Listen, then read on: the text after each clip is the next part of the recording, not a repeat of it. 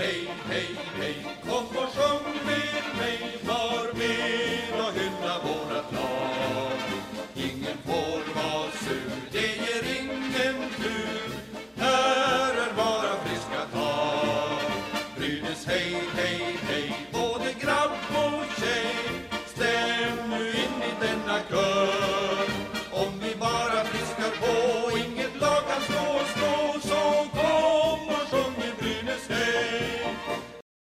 välkomna ska ni vara till ännu ett nytt avsnitt av Brynäspodden. Det är i vanlig ordning tillsammans med mig, Viktor Alner och den eminenta göteborgaren Fredrik Strömbom. Ja, vilket fint eh, välkomnande. Ja, men jag tyckte du förtjänar det nu. Tack, tack. Få lite glädje så här i höstrusket och Ja, det börjar mörkna nu. ja, gör det det också där borta i Göteborg. Ja, nu börjar vi närma oss den här eh, gå upp när solen är nere och åka hem från jobbet när solen är nere. Mm, ständiga mörkret. Mm. Ja, det är underbart. Det har inte hänt så mycket Brynäs-nyheter den här veckan, men däremot så har vi ju ändå spelat totalt fyra matcher Mm. och jag tänker att vi hoppar väl in på dem på en gång, alla fyra. Ja, vi kör igenom dem bara. Samlat Skellefteå-försvar, Jakob Silfverberg. Men vilket mål han gör!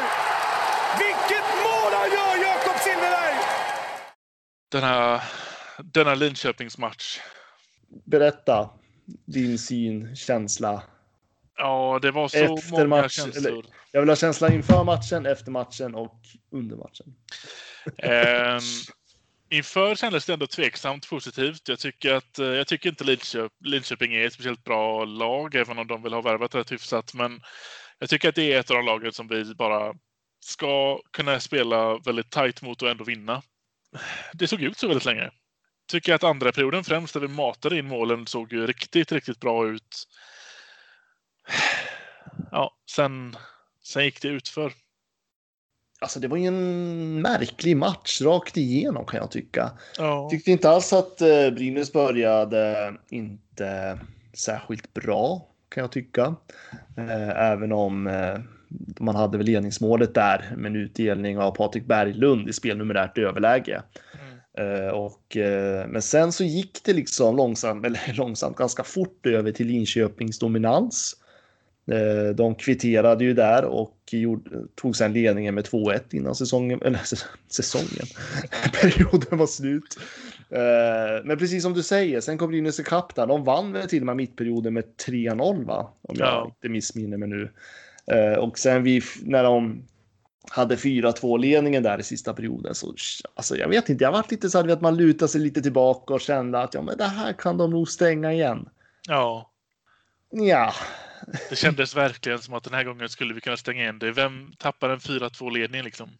Ja, men lite så. Men eh, det gjorde Brynäs och eh, alltså man får ju tycka vad man vill om domsluten. Jag vet inte riktigt om jag köpte alla eh, märkliga domslut som gjordes. Eh, jag tycker ändå att Petterssons utvisning där i början var ändå ganska självklart. Eh, Sigalets vet jag inte riktigt om jag köper 100 procent och sen Kristoffer Berglunds där var, som också åkte ut på utvisning Ja. eh, kan, kan, jag, kan man ju såklart diskutera. Och jag vet att många varit upprörda, upprörda på domaren och tyckte liksom hur kan man liksom döma? Jag menar, Brynäs hade ju tre killar i utvisningsbåset. Det var spel fem och tre. Mm. Eh, Jag vet inte hur länge var det? Över en minut? Ja, det var det. Men jag kände någonstans att det var inte det som, alltså visst, det var ett viktigt ja, en moment i matchens skede som gjorde att Linköping lyckades vända. Men det är ju också Brynäs boxplay. Ja, det är ju det. Till och med om vi hade haft, hade varit ett, varit ett normalt lag med ett vettig boxplay-procent så kanske vi hade löst det där. Men det gör vi inte med de, eh, med de siffrorna vi har just nu. Det, går, det rinner in alldeles för mycket mål i, i numerärt underläge. Men det är också en annan sak. 5 mot 3, då förväntas ju, då ska det ju bli mål. Då är det dåligt av Linköping att inte göra mål i så fall. Ja, men så är det absolut. Men man körde ju inte heller 5 mot 3 hela tiden. Eh, men eh, oerhört länge och det är som du säger, det ska bli mål i 5 mot 3 i princip. Jag förväntar mig inget annat. Eh, Jag hade absolut köpt den då om Brynäs hade förlorat, alltså Brynäs vann med 4-3 då utifrån den där händelsen. Mm. Eh, Men sen var det visst, det var mycket utvisningar och jag är lite mer, jag, jag har varit mer besviken på att Brynäs, att man gjorde som man, att man agerade som man gjorde. Jag menar, det var ju så onödiga utvisningar. Mm. Och sen just det här boxplay som inte riktigt fungerade och det har inte fungerat sedan start. Däremot såg det betydligt bättre ut mot Skellefteå som vi kommer nämna senare. Ja, där stack det upp lite, men, men nej, det var riktigt tungt och, och inte få med en trepoängare och sen går det till OT där vi inte ens får med oss två poängar. Det var bittert. Verkligen. Man hittar, någon, man hittar ett sätt att förlora. Det var lite ja. så jag kände. Det var det min känsla var. Eh, ska ju också tilläggas att eh, jag tror, jag vet inte om det var Linköpings kvittering eller om det var deras 2-1 mål som också var i boxplay för Brynäs. Kvitteringen var ju det i alla fall. Ja, då, men då var, det, då var det kvitteringen. Ja, men precis, för då är ju kvitteringen där som sen gav Linköping lite mer luft under vingarna och där tyckte jag att Brynäs fick ner sig alldeles för mycket. Mm. Som gjorde att Linköping fick det där 2 Det var det som föranledde till att Linköping sen fick det där 2-1 målet. Mm. Så att det är liksom. Som helhet så var det ju inte domsluten som avgjorde matchen. Däremot så var det ju såklart en stor faktor att Brynäs åkte ut på tre utvisningar i slutet av matchen när man leder med 4-2. Det är mm. så onödigt. Ja, det är det. Vi... Nej, ingen höjdare. Om man tittar på någonting roligare istället då? Mm, tänker du på Skellefteå? Ja, det var, jag vet inte om man ska säga att det var så mycket roligare. I, I slutändan blev det ju det. Men det var ju inte mycket till Brynäs spel. Men alltså, det var ju en rörig match överlag. Ja. jag, satt, jag satt faktiskt och smsade med en kille som bor i Skellefteå som jag känner som hejar på Skellefteå och han var helt galen. Ja, det kan jag tänka Och jag kan förstå det. Hade man varit Skellefteå-supporter så hade man ju varit, inte varit glad alltså. Där kan man ju säga att Brynäs stal en trepoängare. Ja. Eh, jag vet inte, det var väl zonspel i Brynäs försvaret hela första perioden. Ja, jag tycker ändå att det var inte kul att kolla på och bara se hur man behöver jaga puck och hålla pucken utanför, hålla spelarna på rätt sida. Men, men det var ju ändå ett, ett, ett tätt försvarsspel. Man fick ju öva väldigt mycket på det och jag tyckte ändå att det kändes inte som en solklar trepoängare till Skellefteå bara för att de hade mycket puck och mycket skott. För jag tyckte ändå Brynäs gjorde en insats. Liksom. Absolut, och sen måste jag ju bara säga Erssons spel. Uh, han, han vart ju lite kritiserad där tidigare och det har ju Viktor Andrén också varit. Uh, och de har inte legat på topp om man tänker uh, i målvaktsstatistiken på något vis alls. totalt sett så ligger vi Brynäs bland de sämsta om man tittar på hela SHL när det gäller sina målvakter. Men jag hävdar ju ganska bestämt att det är mycket beroende på att Brynäs försvarsspel inte har varit så jäkla bra. Men eh, alltså, vilken kille. 39 skott blev det han fick mot sig där. Ja, det är helt otroligt. Eh, och det visar ju någonstans ändå tycker jag att vart, vart han, han står någonstans. Och jag tror också att han, alltså, han är väl egentligen förväntad att vara lite mer en första målvakt. Eh, det är ju liksom sista säsongen vi har Samuel Ersson i Brynäs. Han kommer åka vidare sen. Om inte nu covid-19 då skulle ställa till det på något sätt, men det vet man ju aldrig. Nej behöver ta nästa kliv i sin utveckling utifrån vad han ska gå vidare till sen. Eh, så så det är ju bara fantastiskt att han får göra en sån här match och liksom få stärka liksom sitt eget självförtroende inför resten av säsongen. Ja, och man såg alltså hela sista minuten av matchen var ju lycka. Man såg ju både när målet kom hur hela laget kände att fan vad skönt och när slutsignalen gick så var ju pucken borta vid Ersson så kameran var ju på er som när slutsignalen gick och även han fick ju, man såg ju hela han sken upp och ja, det var en riktigt, riktigt, riktigt härlig trepoängare. Det kändes som att eh, med de två matcherna vi haft nu på senaste så, så var det förtjänat. Absolut. Och bara för att nämna en annan kille. Jadon DeChano. Han är het nu. Alltså vad är det som har hänt? Ja. Helt fantastiskt. Han gör väl poäng i varje match. Han har gjort totalt sju poäng. Vad är det på fyra spelade matcher? Ja. Och då har han inte ens, om man, tänker, om man tittar på istiden, så är det ju en bra många spelare som ligger över honom. Ja, gud ja. Jag har, det, jag har skrivit ner två grejer från eh, Linköpingsmatchen och det var till och med innan då Skellefteå. Det jag inte kände att jag skrev ner det. Det var Björk går upp i första par, Ducheno är het. Fruktansvärt het. Eh, och lite kul där med Björk, för vi nämnde ju förra veckan att han knappt fick, att, att han inte fick så mycket speltid. Ja, Helt plötsligt så placer, placeras han tillsammans med Simon Bertilsson och han hade väl ändå vad låg han på de senaste matcherna? Var väl 17 minuter va? Ja, det var där någonstans för att han, han har ju ett snitt som är ganska lågt, men det är ju snittet på de här fyra matcherna. Det var för att han fick, han var ju sjunde back då i början, mm. Eh, så att han ligger just nu ett snitt på ja, med 13 minuter. Men jag tror jag för mig att det var mot Skellefteå. Då, hade han, då låg han där på 17-18 minuter. Ja. Jag kan bli lite lugn av det, för att det betyder ju ändå att eh, det är inte så att Peter Andersson har gett upp på Björk. Utan man har nog haft någon plan kring honom. Hur man vill kanske få hitta olika lösningar i formationerna. Ja, precis. Vi var inne lite på det förra avsnittet, att man kanske testar sig fram lite och ser för man har ju inte riktigt tid att, att testa alla på samma sätt. Alla gäller alla mycket istid. Alla vill väl egentligen kunna vara den som spelar med Bertilsson och testa sig fram lite om vem som kommer passa honom bäst, eh, radarparten radarpart med honom. Absolut, och Simon Bertilsson, han är ju faktiskt en spelare som har mest istid i hela ligan. Han är, mm. alltså, han är snart uppe på 25 minuter. Det är helt otroligt han får bära en last. Han, han snittar väl nu på 24-18 tror jag. Vilken, vilket lass han fått dra alltså.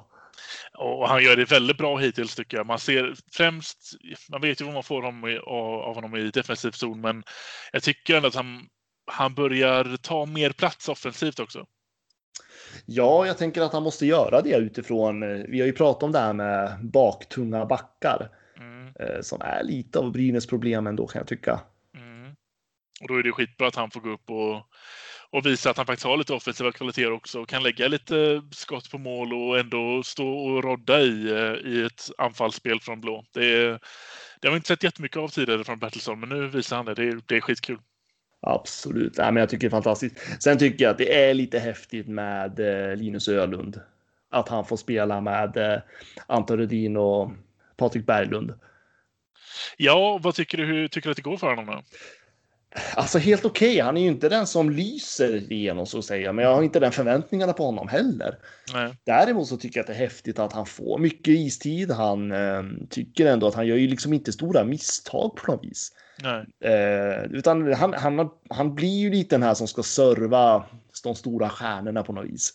Eh, och vara lite spindeln i nätet där i sin centerposition. Som jag tycker han gör det helt okej okay, och jag tycker det är kul att han får den chansen. Jag tycker också det, det är kul att han får den här istiden och att han, han utmärker sig inte supermycket men men det gör ju de andra i hans kedja samtidigt och då får man ju såklart ge lite cred till honom för de hade ju inte kunnat skina om inte han finns där och, och hjälpt till såklart. Så att Ja, men kul att få se att han, att han får möjligheten att ta mycket plats. Och sen ett eh, powerplay-par, om man får prata så, som jag verkligen tycker kan bli något riktigt bra den här säsongen. Det är ju Emil Modin och eh, Anton Edin. Mm. Jag tycker, jag vet inte, jag tycker att de två verkar klaffa riktigt bra. Jag skulle nästan vilja se dem i en kedja tillsammans. Gjorde inte de ett Jo, de gjorde två identiska mål. Ett mot Linköping och ett mot Skellefteå. Ja, alltså ja, de har väl tränat på den där varianten. är, den där kommer ju varje lag ha liksom läst av inom. Ge det några omgångar till så kommer de inte kunna göra den här. ja. ja, men det är klockrent. Jag tycker, nej, men jag gillar den duon på något vis och eh, jag tycker att Emil Molin lyfts av att få spela med eh, sådana spelare som Anton Rudin till exempel. Ja, faktiskt. Att, eh, det, det, det, finns mycket positivt att ta, även om inte spelet har varit kanske topp alla gånger. Jag tycker det var ingen bra match mot Skellefteå heller, fast man vann den matchen. Linköping, alltså det har varit, alltså det har varit två röriga matcher. Ja, det har det varit. Men ja, och som du säger, två röriga matcher, men ändå fyra poäng. Ja, och det är väl helt okej. Okay. Ehm, jag tror att Brynäs ligger på, ligger de inte på femte placering nu efter fyra omgångar? Jo, stämmer, femte. Inte för att det betyder någonting, men det är ändå en indikation på att eh, det är ändå en helt okej okay start på säsongen. Ja, det är det. Vi hänger ju fortfarande i. Vi är ju eh, sju poäng, fyra matcher. Det är ändå. Vi lägger rygg på toppen fortfarande så att vi, eh, vi sjunker, inte med, sjunker inte bort från början. Som vi hade kunnat se ut och kunna göra efter den där jäkla Oskarshamnsmatchen. du har inte släppt den där matchen? Nej, nej, nej, nej, det kommer ta lång tid. Ja, jag förstår ja, vi ska inte prata om den då. Vi släpper den på en gång. Mm. Men tror du att Brynäs kommer ligga kvar där? Det är ju över vad vi förväntar oss. Det, är det, det känns ju väldigt kack, nu känns det väldigt kaxigt att prata det när man att bara spelar fyra omgångar. Men... Det är ju det. Det är några lag som ännu inte har eh, presterat någonting egentligen. Sist ligger faktiskt Färjestad just nu. De har två poäng på fem matcher. De har till och med en, en match mer spelade än oss och sådana lag till exempel förväntar man sig kunna, kunna steppa upp. Samma sak med HV som ligger under oss fortfarande. Skellefteå också. Så att vi får, vi får se lite kommande om man häng, lägger rygg på dem. Men försiktigt positiv om man får säga så. ja, det är bra. Jag tror ju tyvärr att Brynäs kommer sjunka. Samtidigt, nu kommer det låta dumt, för jag tror samtidigt att Brynäs kommer bli bättre. För att vi har ju en Greg Scott som kommer komma tillbaka. Mm. Eh, Peter Anderssons spel kommer sätta sig bättre. Men precis som man säger att Brynäs kommer bli bättre så kommer övriga lag också att bli bättre. Och där finns det lag, precis som du säger. Alltså man pratar Färjestad. Jag tänker HV ska väl ändå ha bättre lag än vad de har visat. Skellefteå kommer säkert lyfta sig. Växjö någonstans tycker jag ändå liksom att Brynäs har presterat bättre än vad jag ändå förväntar mig. Eh, särskilt efter Oskarshamn-matchen då man fick varit nästan lite nervös. Ska du inte men, prata om den? Nej, jag vet, men jag nämner den ändå. Sjunka kommer vi göra, absolut inte på femte placering. Nej, nej, men sjunka kommer vi göra. För, men frågan är bara hur långt då med tanke på att de som ligger i toppen just nu, de som har redan rivstartat från början, är ju de man förväntar sig göra det också. Minus Färjestad då. Ja, sen ska vi också komma ihåg att det är inte, alltså det har spelats bara fyra omgångar. Det är inga topplag Brynäs har mött. Nej. Om vi kikar på tabellen just nu. Och det som komma skall tänker jag är den stora värdemätaren. Mm. Nu och snackar vi riktiga lag. Nu snackar, nu snackar vi. Eh, först så ska ju du få hemmaplan höll jag på att säga. Ja. På torsdag. Ja. Eh, Frölunda, Brynäs har historiskt svårt i Skandinavium i grundseriematchen. Frölunda ligger, på, ligger trea just nu. Bra, eh. mycket bättre lag på pappret än vad Brynäs har, skulle jag vilja säga. Ja, så är det. Eh, ja, uff, det börjar kännas redan, redan kännas jobbigt. Vill inte förlora mot, mot Frölunda. Det är bland de värsta sakerna som finns på denna jord. Ja, jag förstår det. Du som bor där borta. Ja, men, eh, men det är ju det. De, har, de är ju fortfarande, de har ju sin svaga punkt fortfarande och lyckas vi fortfarande behålla den effektiviteten vi har så, så har vi goda chanser ändå tycker jag. De är definitivt inte oslagbara. Nej, för Brynäs är ju det lag som skjuter minst skott på mål i SHL just nu. Ja. Men ja, har ändå... vi för siffra? 20 skott snittade vi per mål va? Ja, precis. Och det är absolut lägst i SHL. Eh, sen kan man ju börja diskutera det här med skotteffektivitet, för där var vi tydligen bättre. Jajamän. Enligt statistiken. Men jag, jag såg att det var någon som kommenterade på sociala medier. Nu kommer jag inte ihåg vem det var tittar man historiskt sett på framgångsrika lag så är de framgångsrika lagen de som skjuter mycket skott på mål. Ja, så är det. Och där är inte Brynäs just nu och Brynäs ligger fortfarande sämst i kors i statistiken i hela ligan. Det, alltså, så det finns ju ändå siffror som skapar lite orosmoln kring Brynäs IF. Ja, speciellt alltså vi ligger sist i skott per, per match på mål. Luleå som ligger först har ju snittar nästan dubbelt. Så, och då kan vi inte heller skylla på att det bara har gått fyra matcher, utan det är stor skillnad. Det är jättestor skillnad. Brynäs har sämst i boxplay fortfarande, även om det var betydligt mycket bättre mot Skellefteå. Vill dock hävda att det är tack vare Samuel Ersson. Um, Luleå som väntas sen på lördag, obesegrade än så länge, förväntas att vara, är väl tippade etta bland de flesta experter i grundserien. Ja, Luleå eller eh, Färjestad har man ju tippat detta. Ja, men precis. Och Färjestad kommer. Eh, ja. Så. Nej, men det jag menar är att det blir väldigt tuffa matcher den här veckan och jag tänker att det är även om man ska vara orolig för vinst eller förlust. Jag tänker att det är en bra värdemätare för framåt i säsongen. Mm. Eh, det är det jag mest ser fram emot och se liksom hur står sig Brynäs mot de här lagen. För det är nu det börjar. Nu börjar det bli riktigt motstånd. Ja, vi har tragglat lite mot mellanlag just nu, där vi väl kanske själva kommer landa någonstans i mellanskiktet. Eh, nu går vi upp mot dem som förväntas ligga topp tre egentligen. Ja, men så är det absolut. Och det är ju, vi har ju liksom inte mött alla lag än, så, det, är så det går ju inte alls att analysera den här säsongen på något vis. Men det är kul när man möter de här förväntade topplagen, för det är ju det är liksom det är ju någonstans de vi vill mäta oss med.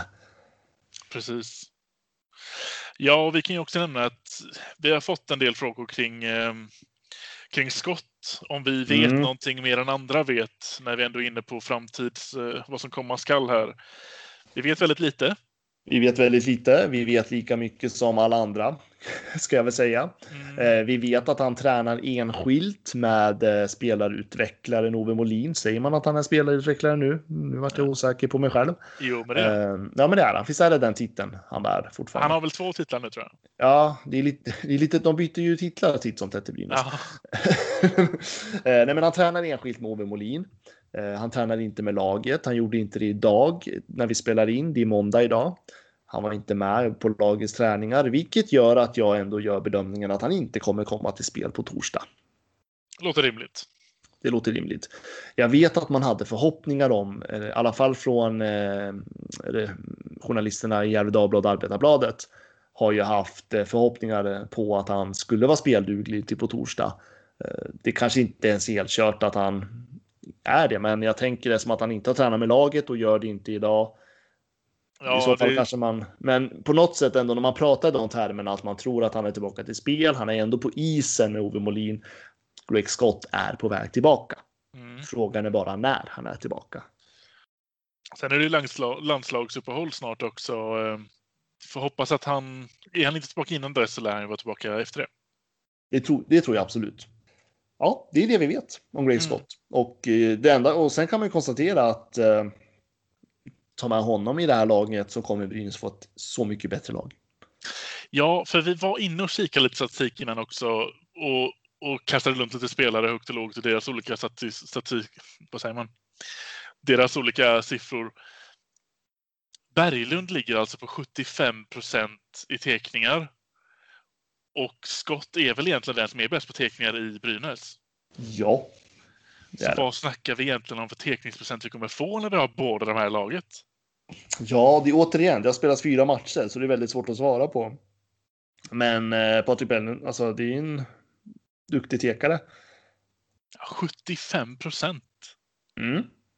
Det är, det är imponerande. Bra. Ja. Det är bra. Men han har ju inte tekat så många gånger heller, va? Han är ju ingen centerposition i vanliga fall. Nej, Nej det är det, sant. Det ska väl tilläggas på det. Men eh, absolut, han är, en, han är en duktig tekare. Eh, och Greg Scott vet vi är en duktig tekare. Och Greg Scott kommer att göra mycket i både powerplay, han kommer förbättra Brynäs powerplay, mm. där de just nu ligger på andra plats. På en ganska bra procentenhet tror jag att det skulle vara. Mm. Eh, Brynäs kommer att bli bättre där. Med Greg Scott kommer Brynäs vara bättre i 5 mot 5 där jag anser att Brynäs verkligen måste bli bättre. Eh, däremot så är väl, jag vet inte om Greg Scott är så mycket för boxplay, men eh, som är kanske Brynäs största svaghet just nu. Men det kommer bli betydligt mycket bättre lag när Greg Scott är tillbaka. Ja, det blir lite dominoeffekt såklart. Vem, vems offensiva plats tar han och kommer det då i så fall bli lite mer defensiv plats för någon annan som kan fokusera mer på det? Det faller ihop lite bättre hela, hela strukturen när han väl är tillbaka så att det, allt kommer höjas tror jag. Så är det. Absolut.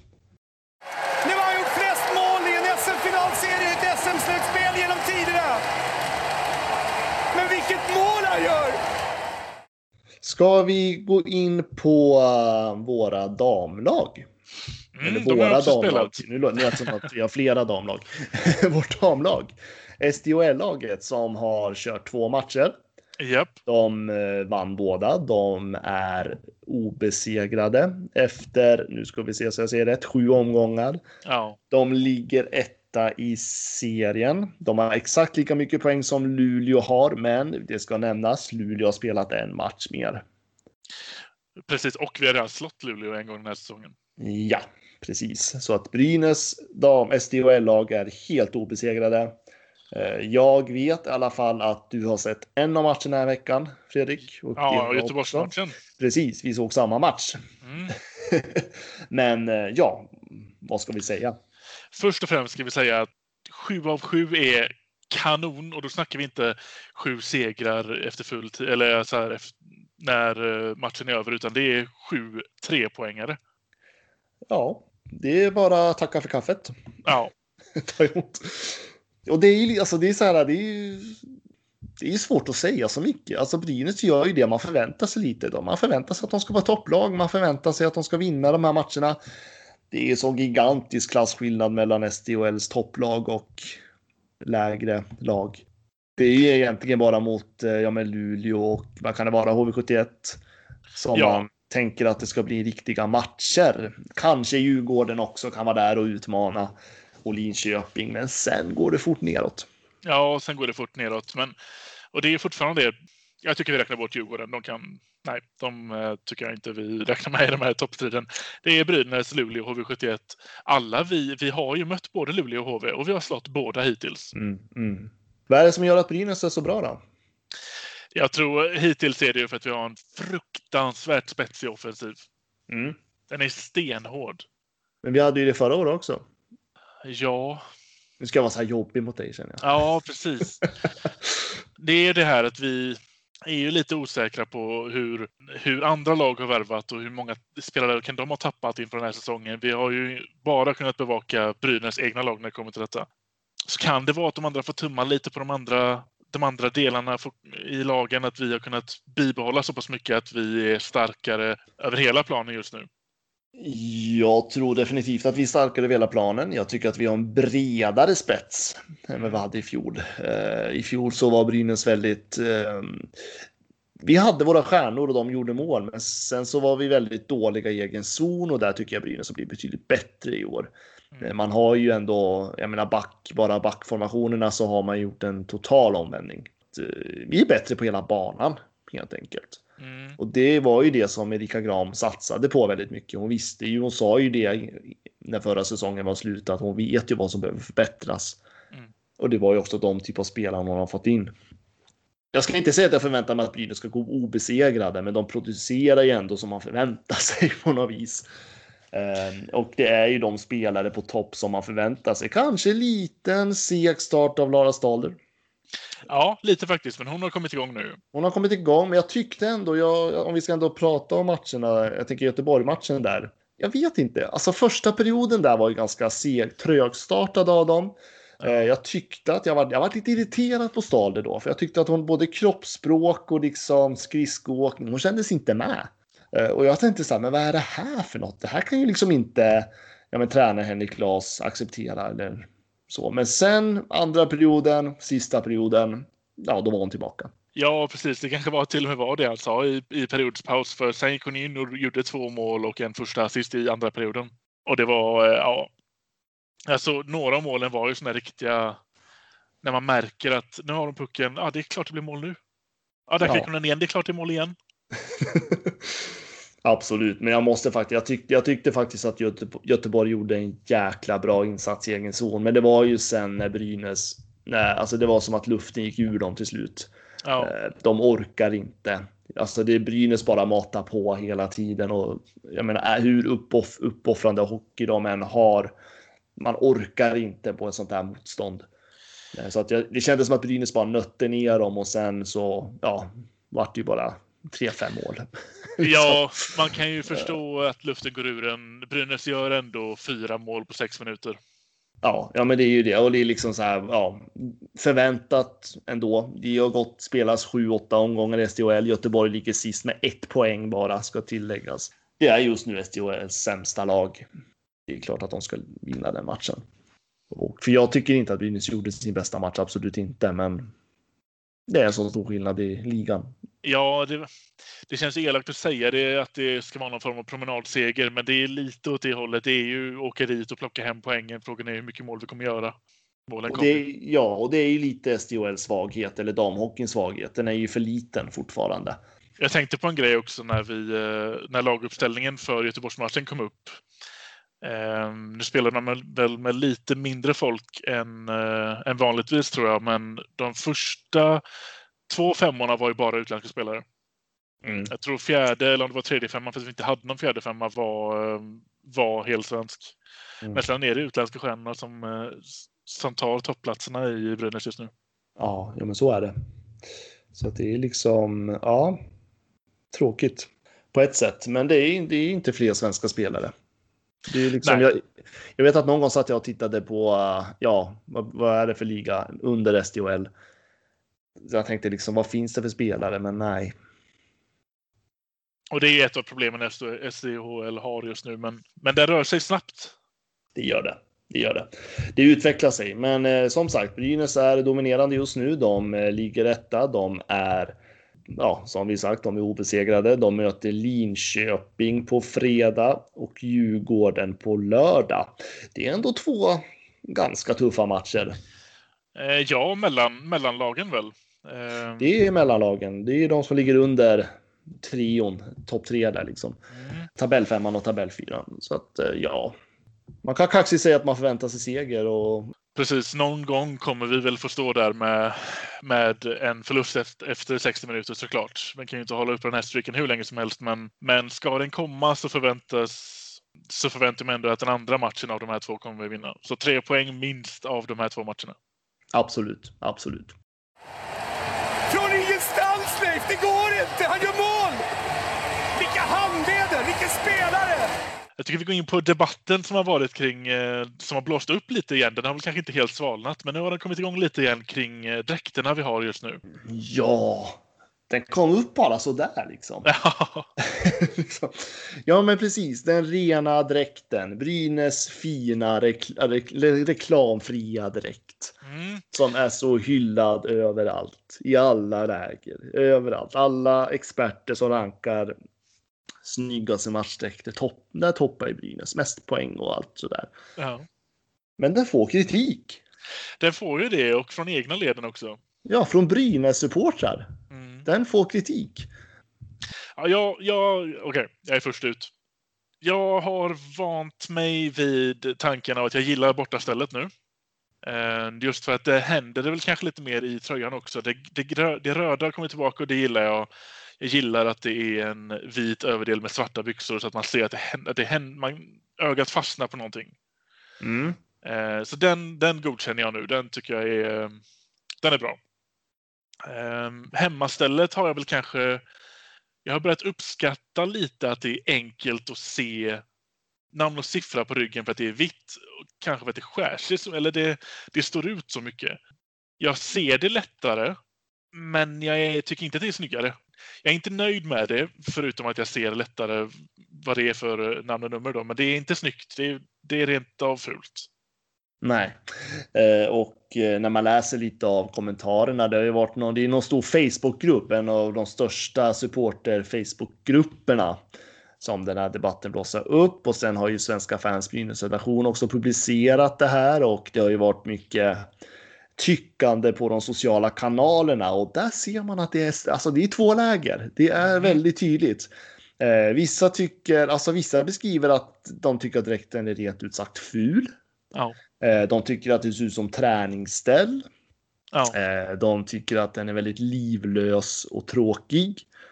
Eh, Man har påtalat att damaskerna ser ut som billiga träningsdamasker. Eh, Och sen finns det de här som nästan som att det känns som att ja, men så länge den är reklamfri så är den snyggast i världen. Ja, Det det ligger det ju fortfarande en poäng i det. Ja, det, det håller jag med om, men det är ju inte riktigt det frågan handlar om, utan det är ju snarare liksom vilka få, alltså det an, övriga detaljer på tröjan. Att den är reklamfri ska vi ta för givet Mm. nu. Ja, Eh, det är ska vi faktiskt. det är liksom reklamfri kommer Brynäs ha oavsett. Det är så, det är så alltså det, organisationen är styrd just nu. Utan det är ju, alltså det är ju själva modellen, stilen på tröjan så- alltså, Ja. som, som har blivit kritiserad. Eh, och, men alltså, det, jag, det som slår mig i den här, vi ska inte prata om den här debatten så jäkla länge nu, men det som slår mig är att det är första gången jag hör genuina Brynäs-supportrar säga att de vill inte köpa den nya modellen. Det är Ja. första gången jag hör en debatt där brynäsare säger att sin egen matchtröja är ful. Ja, och nu har Sen- vi också någonting att jämföra med på riktigt. För innan den rena dräkten kom så var det ju reklam på också. När det inte var reklam, då är det, då är det inget snack om saker längre. Då är det ju faktiskt det snyggaste som finns. Och nu är det en ny version av det snyggaste som finns. Och, och det var inte bättre. Alltså, jag vet inte. Jag, jag, jag har försökt att älska den här nya dräkten, för jag vet att jag var ganska kritisk till den. Mm. Eh, jag tycker inte att den är fin. Jag är ledsen, jag känner ingen kärlek till den här nya dräkten. Eh, och jag kanske låter jättehård nu, men jag, den sjunker för mig ju mer tiden går. Så kan jag Ja. säga. Men sen förstår jag, alltså jag har full respekt för att de andra an, folk tycker att den är jävligt snygg och att den är liksom ren och så vidare och så vidare. Jag tycker den är full respekt för det. Och eh, det är ju smaken är som baken. Alla tycker olika och det ska vi ha respekt för naturligtvis. Men det är första gången jag ser att det blir en diskussion av det här. Är du en av de som inte kommer köpa den nya då? Jag kommer inte köpa den nya. Jag köpte den förra på en gång. Men nej.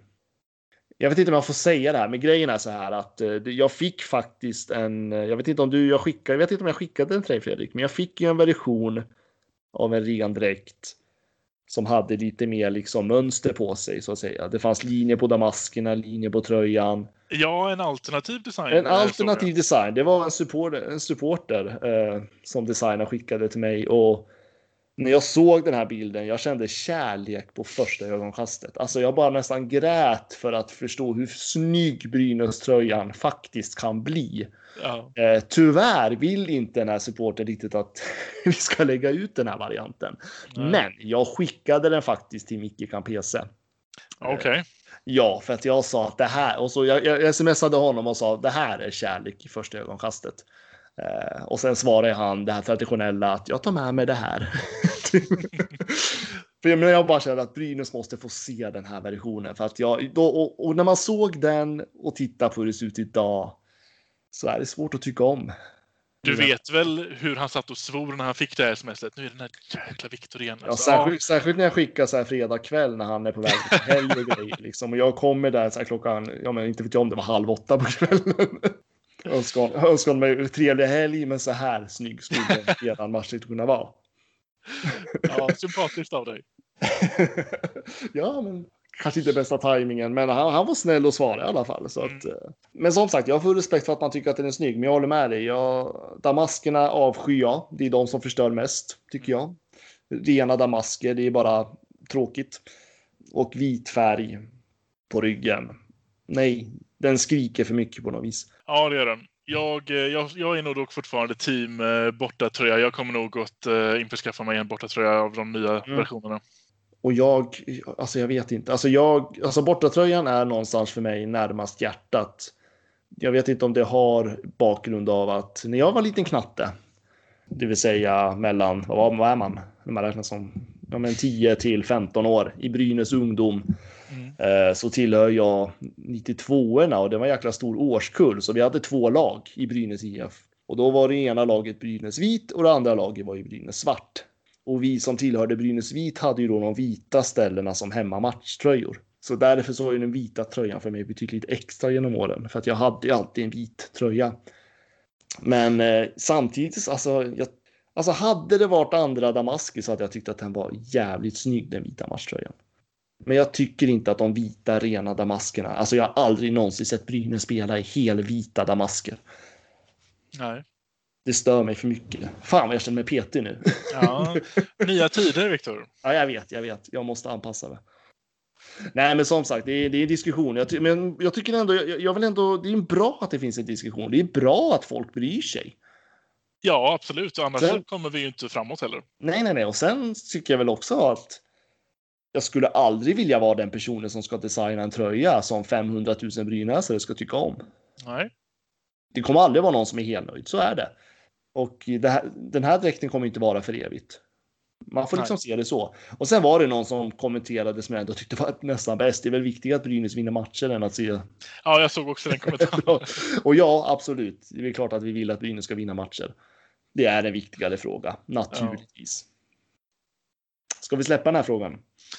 Eh, ja, det kan vi göra. Vi, vi, vi är också lite två läger här, men eh, vi är väl överens om att eh, hemmastället är nej. Nej. Hemma, hemmastället tycker jag är misslyckande. Bortastället är jävligt snyggt. Om de bara haft, haft liten rand där på vita damaskerna. Snälla någon. Det ser inte bra ut. Ja, Han överraskade oss allihopa, och inklusive Joakim Eriksson med det där skottet. Fruktansvärt hårt skott och snabbt anlagt. Kolla, poff! Första krysset. Ska vi ta oss in på eh, lite kritik vi har fått här då?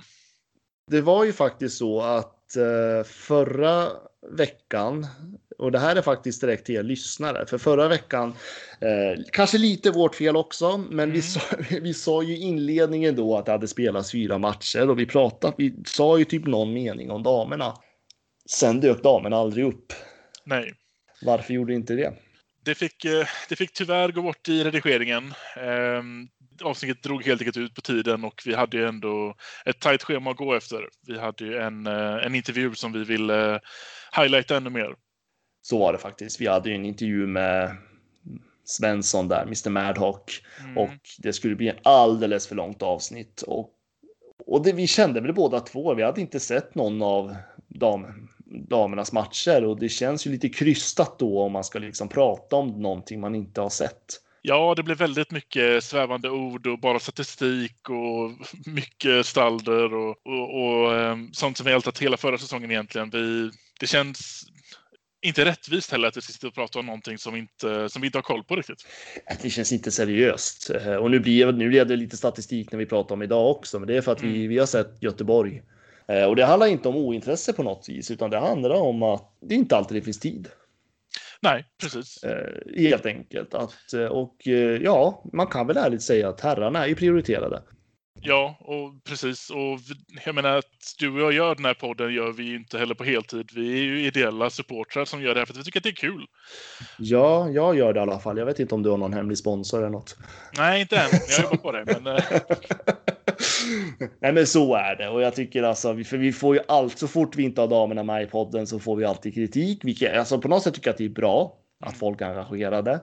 Så det finns många som tycker att vi ska prata damerna och sen finns det ju också. Vi får ju också meddelande om folk som önskar att vi lägger damerna sist för att Precis. de tycker inte att det är lika intressant. Ja. Men vi kan väl säga redan nu att nej, damerna kommer inte vara med i varje avsnitt. Nej, så enkelt är det. Och eh, när, när matchen drar igång på riktigt, när det kommer liksom vara herrlag eller herrlagets match tisdag, torsdag, lördag, så eh, då kommer det kanske inte alltid finnas tid att se en enda hockey, eh, SDHL-match under hela veckan och då får de tyvärr falla bort. Så är det. Men bara för det betyder inte det att vi inte vill ha med damerna i podden, utan vi kommer ju ha vissa gäster som kommer prata damer. Mm. Vi har haft intervju med Erika Gram tidigare bland annat och vi kommer ha andra gäster också planerar väl att ha Henrik Glas, huvudtränaren, med någon gång. Precis. Och yep. jag har även pratat med en annan som skriver väldigt mycket om SDHL. Som vill vara med i den här podden. Så vi, vi har ju planer sådär. Ja, vår poäng med detta egentligen är väl att vi vill säga att vi, vi hör er, men det finns inte alltid tid för er och det betyder verkligen inte att de är bortglömda. Verkligen inte. Absolut inte. Nej, men ska de vara med så ska de vara med seriöst. Det är det jag vill budskapet ska fram. Mm. Det är väl det vi kan säga. Men allvarligt talat Leif Bork, du håller på med hockey i 600 år. Hur skjuter karln? Hur skjuter han? Han skjuter väldigt bra, han skjuter väldigt hårt, han skjuter väldigt pricksäkert. Men du, om du går på hockey mm. och känner att du skulle vilja ha lite matbit också. Ja, ska ta mig tillbaka ett år i tiden här. Ja, precis. Uh, och tänker att ja, men det skulle vara trevligt med lite buffé och match. Ja, det hade varit trevligt. Ja, skulle du vara beredd att betala 1500 för det då? 1500 Viktor? 1500! För det var precis så mycket det kostade att äta en buffé på Gavlerinken eller Moniton IRP Arena. Och eh, Brynäs hade då fyra bord. Fler folk än så kom inte. 1500 spänn. Um... På fyra personer blir det alltså 6000 spänn för att se hockey och äta en buffé. Ja, det ställer ju vissa krav på buffén får jag ändå säga. ja, det är, ja, men det är väl ostron och Ja, det får det vara. Och hur mycket oxfilé du vill. Hummer. Hummer, absolut. Det är väl förrätten där va? Ja, nej, nej men det är nej, faktiskt men... förvånande högt priser för, för den här dealen. Ja, men ja, skämt åsido. Det jag, jag höll på att falla av stolen när jag hörde det. Eh, visst, eh, jag vet att Färjestad hade väl någon hamburgertallrik plus matchbiljett för 500 spänn. Eh, nu kanske buffé är lite mer värt än en hamburgertallrik. Men, ja. eh, och sen vet jag att det är jäkligt god mat i den arenan. Det är inte det. Men 1500 spänn för en buffé. Ja, plus jag vet inte. matchbiljett då, men alltså. Nej, Sänk priset.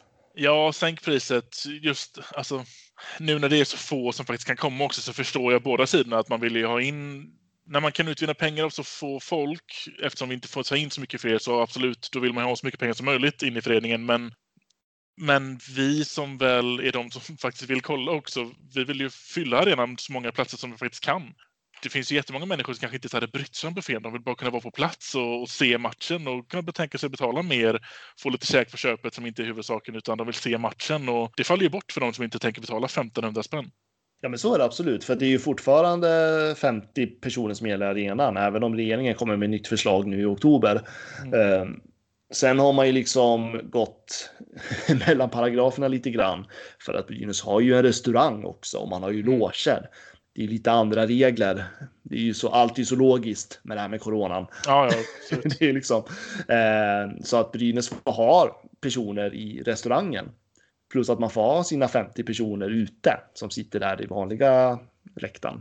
Mm. Men när man bara fyller fyra bord ute på, på restaurangen. Ja, då är det jag, lite... jag, jag förstår att Brynäs behöver ha in pengar naturligtvis, för det är tuffa tider. Men 1500 spänn var lite väl. Verkligen, det är lite... För hade det inte varit bättre om man sänkte priset och kanske fyllt, inte vet jag, åtta bord istället? Exakt. Nu förstår, nu vet jag alltså att den som kan matematik fattar att man behöver inte sänka eh, bara, bara, man sänker lite så har man förlorat väldigt mycket, mycket pengar. Då måste man fylla väldigt mycket mer. Eh, det blir ju så, men eh, jag vet inte. Jag tror det var inte bra. Jag tror att man kanske tog sig en funderare efter det där. Jag hoppas på det i alla fall. Ny chans här nu på. Eh, nej, det är båda i bortamatcherna nu vi har. Frölunda och Luleå. Ja, det är väl sju bortamatcher på raken nu, är det inte något sånt här? Skämtar du? Ja, det är något galet eh, spelschema just nu som gjort att Brynäs typ inte ska spela på hemmaplan. Nu vet jag inte om sju var rätt, nu sa jag det rätt ut från ordet, men det är många. Okej, okay, ja det här är någonting jag inte uppmärksammat, men eh, direkt tänker jag att eh, bra tajming då. Det är ju ändå Corona-style. Ska vi bara få in 50 pers nu ett tag och eh, då tar vi alla bortamatcher så länge det, den regeln gäller. Ja, egentligen så är det ju perfekt för Brynäs del. Mm. Att, uh, nej, men jag vet inte. Nu vet jag inte om sju var rätt, men det var många borta matcher i alla fall. Mm. Uh, nu får någon lyssnare gå in och räkna, men nej, 1500 spänn var inte värt priset.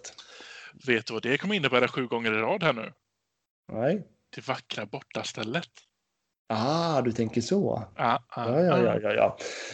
Och sen var, finns det också statistik på att eh, hittills har väl bortalagen vunnit mest matcher. Ja, ja det har jag också hela, hela ligan. Mm. man ska hårdra det på det sättet. Ja, hemmafördelen kanske inte riktigt finns med dig längre när det är 50 pers på läktaren. Nej, det gör det inte. Och nu är det precis som att han bestämmer sig för att nej, det här har varit så jäkla dåligt så nu måste jag liksom göra något avgörande själv och så kommer det skottet. Han har ju ett av elitseriens absolut bästa och hårdaste och snabbaste skott. Jag har fått in lite eh, lyssnarfrågor. Jag tänker att jag drar dem och så får du vara första man på, eh, till rakning här. Eh, vi har fått en lyssnarfråga från, från Liam och han undrar när kommer Scott tillbaka tror vi och vilken plats i laget kommer han att ta i så fall? Ja, och när han är tillbaka har vi i princip redan svarat på. Mm. vilken plats han tar i laget däremot. Det är en bra fråga. Alltså, det, det är lätt att... Första kedjan, absolut. Uh, sen om man kommer börja där, det vet jag inte. Han har ju inte spelat så många matcher nu. Men absolut, han, alltså Greg Scott är en spelare som ska spela i första kedjan. Jag ser ju inget annat egentligen än att han petar ner Linus Ölund. Nej, precis. Frågan är om han kommer gå in direkt då i första, det är det som är, som är frågetecknet. Men han har ju fått några försäsongsmatcher i benen och jag tror att han kommer en väldigt kort startsträcka innan han är tillbaka fullt ut så som vi förväntar oss att kunna se honom av. Så att eh, en match kanske han inte kommer vara i första sidan. Sen, sen räknar jag iskallt med att han är back on track. Ja, för jag tänker, ska han inte spela i första kedjan så behöver man inte ner honom i andra kedjan och man sätter ju inte ner Tom Molin till exempel i tredje. Utan då måste ju Molin upp i första då och Ölund kommer väl oavsett falla ner till en tredje kedja. Mm, så att den som blir stora, om man ska tänka förlorare i den här, det är ju Linus Ölund. Ja, det blir det ju. Han, men han det var väl lite väntat också? Det är lite väntat, men jag tycker det är synd för att han riskerar ju att tappa väldigt mycket speltid. Uh, han kommer ju bli den som jag förväntar mig. Ja, uh, särskilt nu när DeShane och producerar som man gör också, så att man kommer inte lyfta. Man kommer inte lyfta bort honom och sätta Molin på någon kant liksom. Nej. Ja, han kommer. Men jag tror man sätter honom i första kedjan. Direkt? Ja. Jag säger så. Ja, ja, ja. är han hel och fin ehm, så handlar det väl egentligen bara om att få in några ispass med laget och sen är det bara att köra rätt in i första. Ja, ja, ja, men jag menar alltså, Greg Scott, han är ju erfaren, rutinerad. Han kommer komma in i det där spelet lika snabbt som Rudin gjorde. Mm. Så att eh, det, det, det blir inga konstigheter alls och han är van att spela med Rudin sedan tidigare och det vore jävligt häftigt att se Berglund med de två. Eh, sen om man tänker att Berglund ska vara kvar i första kedjan nu när Greg Scott går upp, det är en annan fråga. Mm. Nu kommer de här lilla lyxproblemen in. Ja, men det blir ju kedjereaktion. Så Ja. fort man liksom, för det är ju ändå toppspelare som ska in nu. Det är ju liksom inte en medelmåtta. Eh, Så det blir ju en kedjereaktion och Ante Rudin är ju trygg på sin plats tänker jag. Men det är ju liksom Berglund kan ju vara både i andra och första och göra det jäkligt bra. Men jag tror att det är Linus Ödlund som blir den största förloraren när Greg Scott är tillbaka. Mm. Ja, det har du nog en bra poäng i. Vi har eh, fått in en fråga från Bob. Han Vem är... brukar ställa frågor va? Ja, Bob gillar vi. Bob är ju fan våran eh, stammis höll jag på att säga. ja, det är bra Bob. Vem är säsongens utropstecken hittills och vilken spelare förväntar ni er mer av? Utropstecken vill jag svara direkt. Eh, DeShano. Mm. eh, har producerat bra mycket bättre och presterat ska jag väl också säga. Bra mycket bättre än vad jag förväntade mig. Jag hade hopp på att han skulle absolut höja sig i nivå sen fjolsäsongen då. Mm. Men jag tycker att han har. Han imponerar. Jag är superglad av att se honom. Han är, han, det han gör nu är vad han kom till Brynäs för att göra. Mm. Han är värvad för att göra poäng och det gör han just nu så att det är bara absolut. Jadon. Vad tycker du då? Ja, jag är, jag är med dig på den. Det, det, det verkar ju vara en liten trend. Vissa eh, transatlanter kommer ju in och levererar direkt. Sen är det väldigt många som behöver ha en säsong. En rätt så medelmåttig säsong och sen kommer de igång i andra säsongen. Jag tycker, jag, nu kommer jag såklart inte på några namn för det, men det är några stycken som, eh, som jag tycker har gjort den resan. Att man kommer, det kanske är hela den här grejen med liten rink. Det tycker man väl kanske att man borde vänja sig över över en hel säsong när man väl är här sin första, sitt första år. Men, men vissa behöver ett år och nu har han fått sitt år och eh, han, ja, han, han kör på väldigt bra. Inte bara det här med poängproduktionen som du säger utan han är framme på lägen, han är framme och petar på pucken och han är, han är med på returerna och han, han spirar på. Jag tycker att det är en helt, en helt ny Duchene vi ser nu. Ja, men det är spelglädje i honom. Jag tycker ju för, förra säsongen så, så såg det nästan ut som att han inte vill vara med på isen till och med. Nu känns Ja. det som att han är med. Han vill vara med och jag tror att han, han verkar ha fått en helt annan roll och pos, alltså förtroende hos. Jag tror att han verkar gilla Peter Anderssons spelsätt också. Ja, Eh, Och jag tror att, men det där sa ju Andersson i somras på en intervju med Brynäs egna podcast. Att han ansåg ju själv att man inte utnyttjade DeShano på det sätt som man ska göra. ja. Och där tycker jag ändå att han har visat tydligt på att han hade ju rätt utifrån vad vi ser nu. Så det är spännande. Nej, men det är en utropstecken, absolut. Vad var den andra frågan? Vilken spelare förväntar vi oss mer av? Den var lite klurig. Ja, ja, Eh, alltså jag vill ju, jag har en, får vi nämna målvakter? jag skulle precis säga det, men jag vet inte hur jag vågar gå in på det spåret. det känns lite fegt, men Ja. eh, Viktor Andrén eh, skulle jag absolut vilja se höja sig lite mer. Han kan mycket bättre. Vi har sett honom i slutspel tidigare. Eh, så att ja, han kan mycket bättre än vad han har visat hittills. Men jag vet inte, kanske lite fegt att säga så. Ja, vi, får, vi, vi skjuter in den lite sådär. Vi är med på Andrén, men vi kan på någon annan också, en utespelare. Mm, en utespelare. Eh, Men alltså någon som jag vill, eller som jag tror kommer höja sig under säsongen, får man säga så då? Mm. Så är det ju Tom Hedberg naturligtvis. All right. Som jag, alltså en sån mogen kille för sin ålder och så duktig så tror jag att vi kommer se successivt att han kommer bli mycket, mycket bättre och bättre. Ja. Eh, Men det är ju inte alltså så att jag tycker att han har presterat sämre än vad jag förväntar mig av honom heller. Nej, precis. Jag tycker ändå att han visar ehm, han visar att han håller på att anpassa sig väldigt bra till, till SHL-farten och, och skillnaden mellan allsvenskan och SHL. Han har inte, inte blivit några poäng ännu, men jag tycker inte heller att jag ser att det är några direkta misstag han gör. Eh, Men sen tycker jag Björk, men han har inte fått så mycket speltid. Han fick det de senaste matcherna, men Mar- Marcus Björk har absolut mycket att bevisa tycker jag. Han, han kom ju till Brynäs och fick mycket speltid och gjorde det jäkligt bra framför sig. Eh, Han har ju haft problem med Peter Anderssons coaching tidigare Mm. i Malmö, så att det är väl en spelare som jag kanske tänker att eh, jag är lite osäker på Mm. hur mycket pass han kommer lyfta sig. Men nu har han fått mycket speltid de senaste matcherna och man behöver nog ge, fortsätta ge honom det om vi ska se någonting. Ja, det var en svår fråga där. Jag har Ja, inget, men jag jag- har inget så här direkt svar. Alltså Viktor Andrén, absolut. Men om man ska ta en utespelare. Jag tycker nästan att vi kan landa på Björk där. Ja, men ska vi, ska, ska vi landa på Björk? Mm. Så får jag hoppas att du är nöjd med det svaret. Kanske kan återkomma med den där frågan lite senare. Ja. Behöver jag, jag behöver se mer matcher känner jag. Det är lite det. Bob har många bra frågor, så fortsätt, Ja, eh, fortsätt eh, ge oss dem till så kommer vi försöka mata ut dem i den formen vi har gjort här nu. Jajamän. Har vi Vi har också fråga? fått en, en riktigt klurig fråga här från Felix Jonsson. Oh, spännande. Eh, vem tror ni vinner den interna poängligan i Brynäs i år? Oj. Ska man vara feg och svara Anton Rudin på den? Nej, Nej, jag får inte svara Anton Rudin alltså. Ja, jo, men eh, är det det du känner i hjärtat här nu? Alltså det är väl det jag känner i rent eh, kvalitetsmässigt, särskilt när Greg Scott är tillbaka. Då kommer Rudin att eh, resa sig. Det är så jag känner.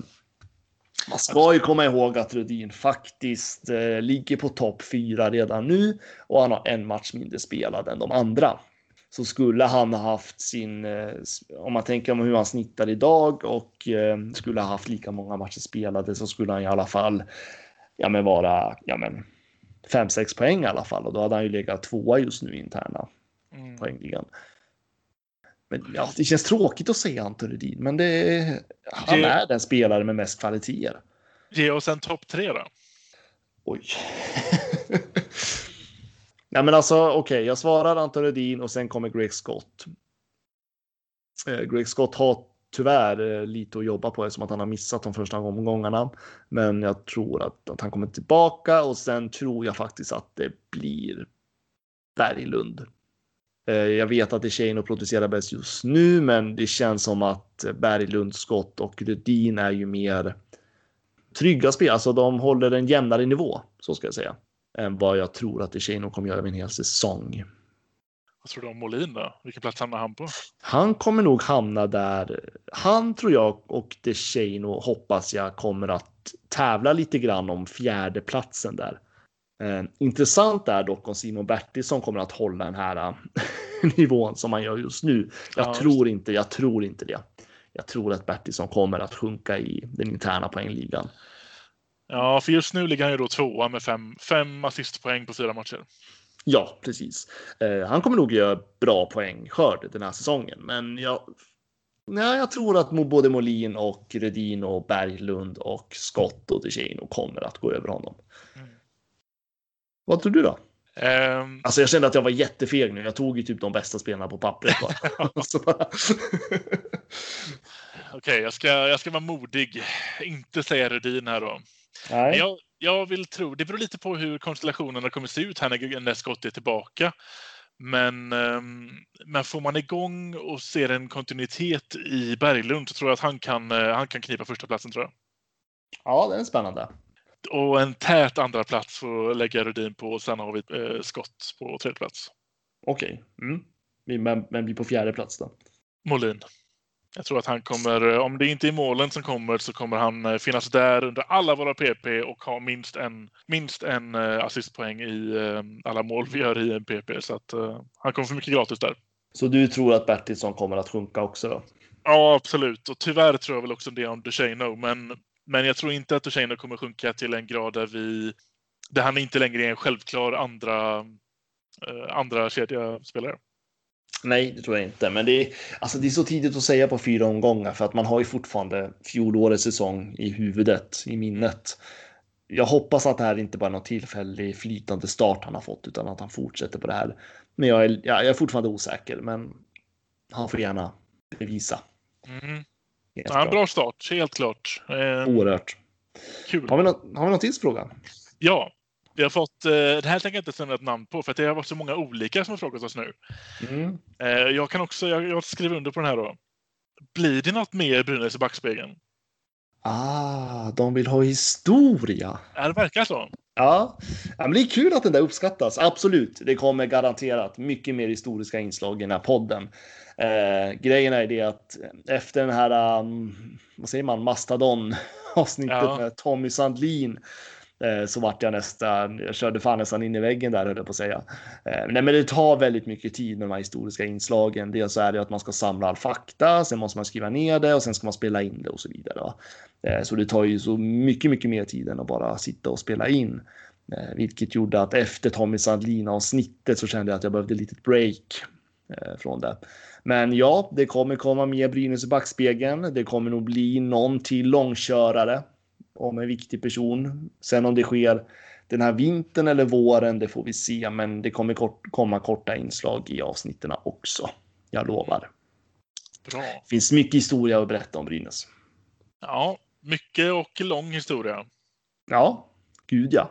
Och den blir bara längre och längre. Ja, ja men det är bra. Då tror jag att eh, många blev nöjda av ditt svar här. Ja, men det är kul att man har märkt att det uppskattas. Ja. Med lite historiska inslag, så att det ska vi fortsätta med. Absolut. Ja, där var väl egentligen de frågorna jag har fått in, eh, eller vi har fått in slut, om inte du har sett någon som jag har missat? Eh, nej, det är de veckans frågor. Det är ju många som frågar samma saker. Det blir ju ofta så liksom. Mm. Eh, så att, eh, nej, men jag tycker vi har svarat på det vi har fått in. Och skulle vi glömma något så är det bara att höra av sig igen så tar vi oss i kragen och svarar på det nästa vecka i så fall. Precis. Om det är fortfarande aktuellt. Ja, men ska vi avsluta med en uh, liten gissning då? Vi har två Mm. tuffa matcher framför oss. Mm. Hur tror du det kommer sluta? Oj. Ja, den är, det, det är svårt alltså. Det är väldigt svårt, men. eh, Ja, men jag, ja, men jag, i och för sig, nu i dessa tider med publik som inte finns och så vidare så. Vi skulle kunna överraska mot Frölunda tror jag. Mm. Jag har en liten positiv magkänsla inför den matchen. Däremot tror jag att Luleå kommer att bli för tufft. Tyvärr tänker jag exakt samma där. Jag, jag tror nästan att vi, skulle, att vi har en bra chans att överraska mot Frölunda, men, men Luleå känns för, för heta just nu. Absolut, men det är två nyttiga matcher framför oss. Verkligen. Men då så, ska vi avsluta med det? Och Ja. eh, tacka alla som har lyssnat och det har varit roligt att prata med dig igen Fredrik. Ja, detsamma, detsamma. Ja, vad roligt. Men eh, då får vi tacka för kaffet och på återseende. Eh, visst var det mål? För de, de ringer Ja, på det ja, nu. ja. Men visst Ja, var den inne? Det, det har ju repriserna i någon mening visat. Va? Ja, ja, ja. Men de ska ringa för säkerhets skull. Och här kommer Sören Persson ut och dömer mål, ja. Då är det bekräftat.